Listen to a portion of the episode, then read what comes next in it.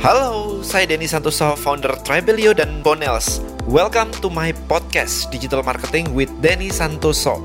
Di podcast ini saya bahas mengenai beberapa strategi marketing yang dapat meningkatkan omset bisnis Anda hingga 10 kali lipat. Salah satunya dengan membuat database atau list building. Untuk belajar lebih mendalam, Anda bisa langsung ke listbuildingblackbook.com. Follow juga YouTube dan Instagram saya at Denny Santoso. Di sana saya juga berbagi ilmu mengenai digital marketing dan mindset setiap hari. Right, ayo kita mulai. Enjoy the podcast and see you inside.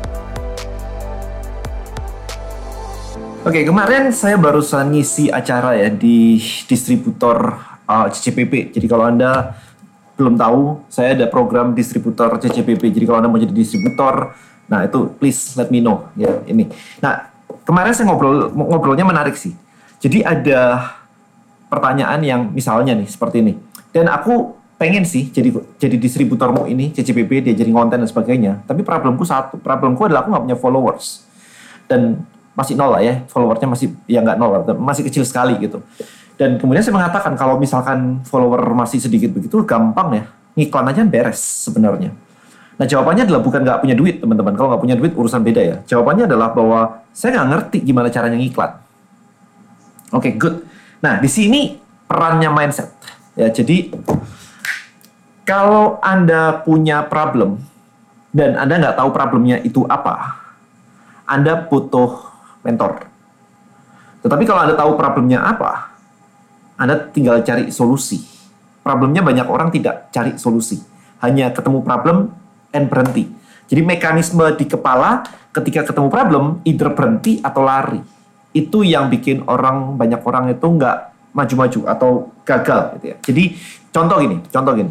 Kalau misalnya Anda bilang kayak saya sudah coba dan jualan, upload ke marketplace, upload ke Instagram, saya udah promosi, udah ini, udah itu, udah ini, tapi kok nggak laku juga ya? Ini kenapa ya? Nah itu artinya adalah Anda nggak tahu problemnya di mana. Nah kalau kondisinya seperti itu, maka simple. Karena Anda nggak bisa ngelihatnya, mau dipaksa juga nggak bakal bisa. Tugas Anda adalah cari mentor ceritain itu ke mentor Anda, sehingga mentor Anda bisa mengatakan, oh oke, okay, saya setelah menganalisa ini gampang lah, problemmu ternyata di sini, penawaranmu nggak menarik, gitu. Oh kayak kemarin misalkan, saya sudah ngiklan dan, tapi boncos terus. Ya, jadi kan nggak tahu ya problemnya di mana. Pokoknya saya udah udah action, saya udah ngiklan tapi boncos terus. Ada pertanyaan masuk seperti itu. Nah kalau ketemu mentor, maka saya simpel banget nanyanya. Oke, okay, cost of user acquisitionmu berapa? Jadi untuk mendapatkan satu customer tuh harus boncos berapa, harus bayar berapa, istilahnya gitu. Kalau misalkan ada bayar 50 ribu, oke, okay, so untuk mendapatkan satu customer, Anda harus bayar 50 ribu. Pertanyaan saya berikutnya adalah, margin profitmu berapa? Kalau margin profit Anda adalah 50 ribu, maka Anda BEP. Kalau margin profit Anda adalah 100 ribu, maka Anda profitable. Tapi kalau margin profit Anda di bawah 50 ribu, maka Anda minus atau boncos. Jadi saya bisa ngarahin. Jadi kalau ketika Anda bilang bahwa kok saya udah ngiklan dan boncos ketika Anda nggak tahu problemnya di mana, nah ini tugas Anda adalah nyari mentor. Dari mentor berarti saya nanya seperti itu jadi ketemu nih, oh ternyata urusannya bukan sama Facebooknya, Facebooknya udah oke. Okay. Problemnya adalah margin Anda terlalu kecil. Nah berarti saya bisa ngarahin PR Anda selanjutnya adalah memperbesar margin. Macam-macam caranya. Jualan bundle, cari produk lain yang margin lebih besar, atau lakukan upsell, dan macam-macam. Ya. Jadi intinya adalah belum tentu Facebooknya salah. Jangan selalu menyalahkan Facebook dan berhenti. Kalau Anda ketemu problem dan berhenti, nggak ke mana-mana. Oke, okay? kalau Anda ketemu problem dan cari solusinya, itu barulah bisa maju. Berarti dari sini, ketika Anda tidak tahu problemnya, cari mentor, selesai. Tapi kalau yang tadi, saya nggak bisa ngiklan, saya bilang congratulations, at least Anda tahu problem Anda di mana. Solusinya simpel kan, ada dua solusinya. Belajar ngiklan, hire orang yang bisa ngiklan. Terserah pilihan tangan Anda. Kan nggak semua orang harus belajar iklan ya. Tapi kalau mau belajar juga nggak apa-apa.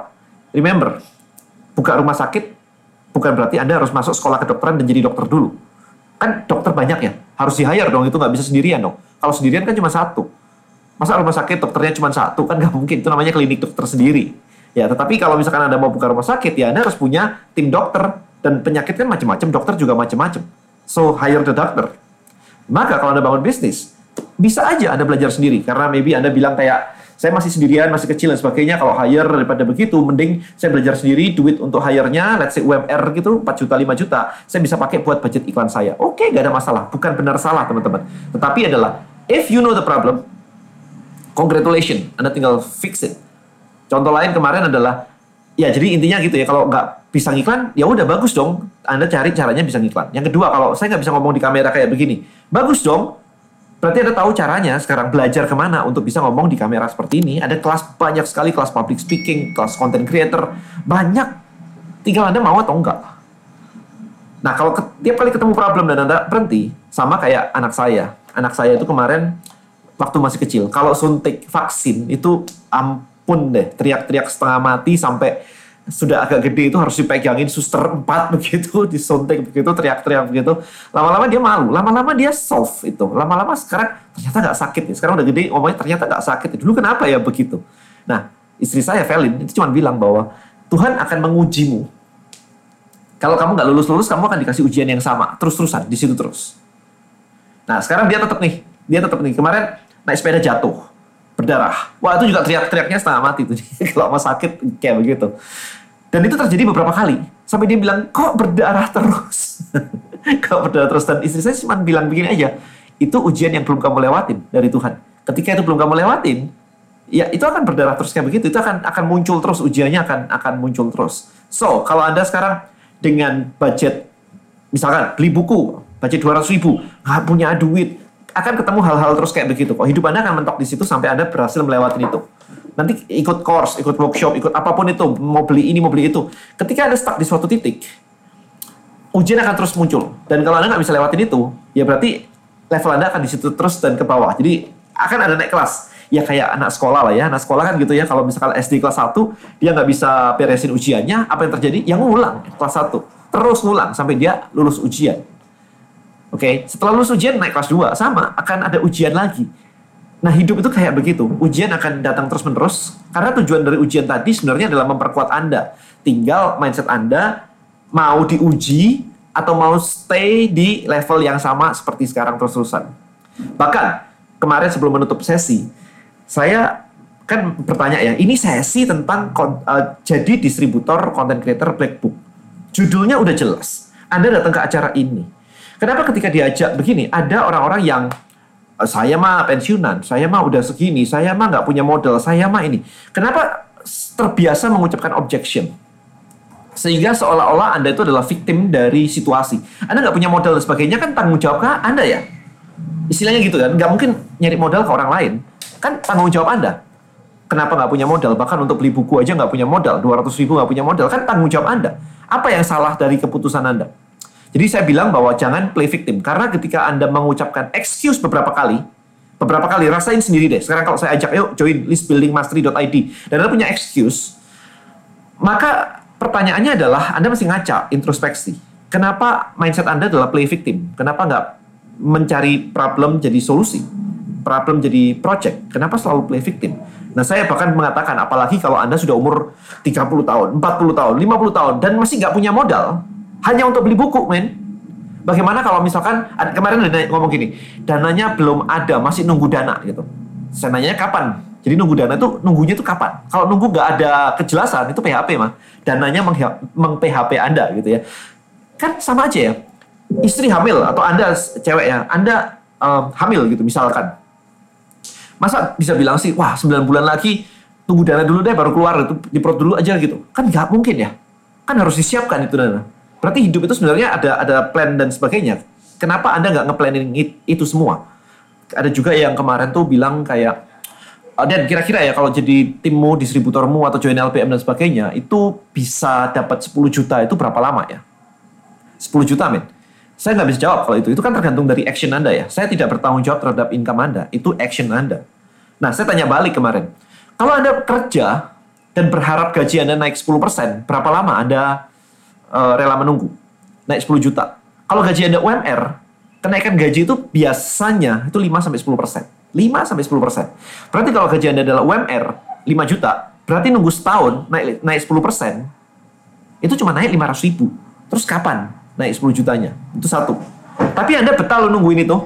Gaji Anda 10 juta misalkan. Gaji Anda 10 juta, berarti kalau misalkan ada um, 10 persen dalam setahun, berarti naik sejuta loh. Anda nunggu setahun hanya untuk naik satu juta. Sementara kalau Anda jadi content creator, maybe di awal Anda nggak dapat apa-apa. Setengah tahun gitu nggak dapat apa-apa. Maybe setengah tahun ke atas atau satu tahun Anda baru mulai. Tetapi di tahun kedua, Anda sudah mungkin mulai mendapatkan kayak 10 juta, 20 juta, 30 juta. Tapi kenapa Anda lebih betah menunggu yang 10% doang per tahun-tahun? Tetapi untuk dari start dari nol kayak begini, Anda masih merasa bahwa kok lama ya? Balik lagi. Itu adalah mindset. So, biar tidak lama-lama. Jadi simple. Simple.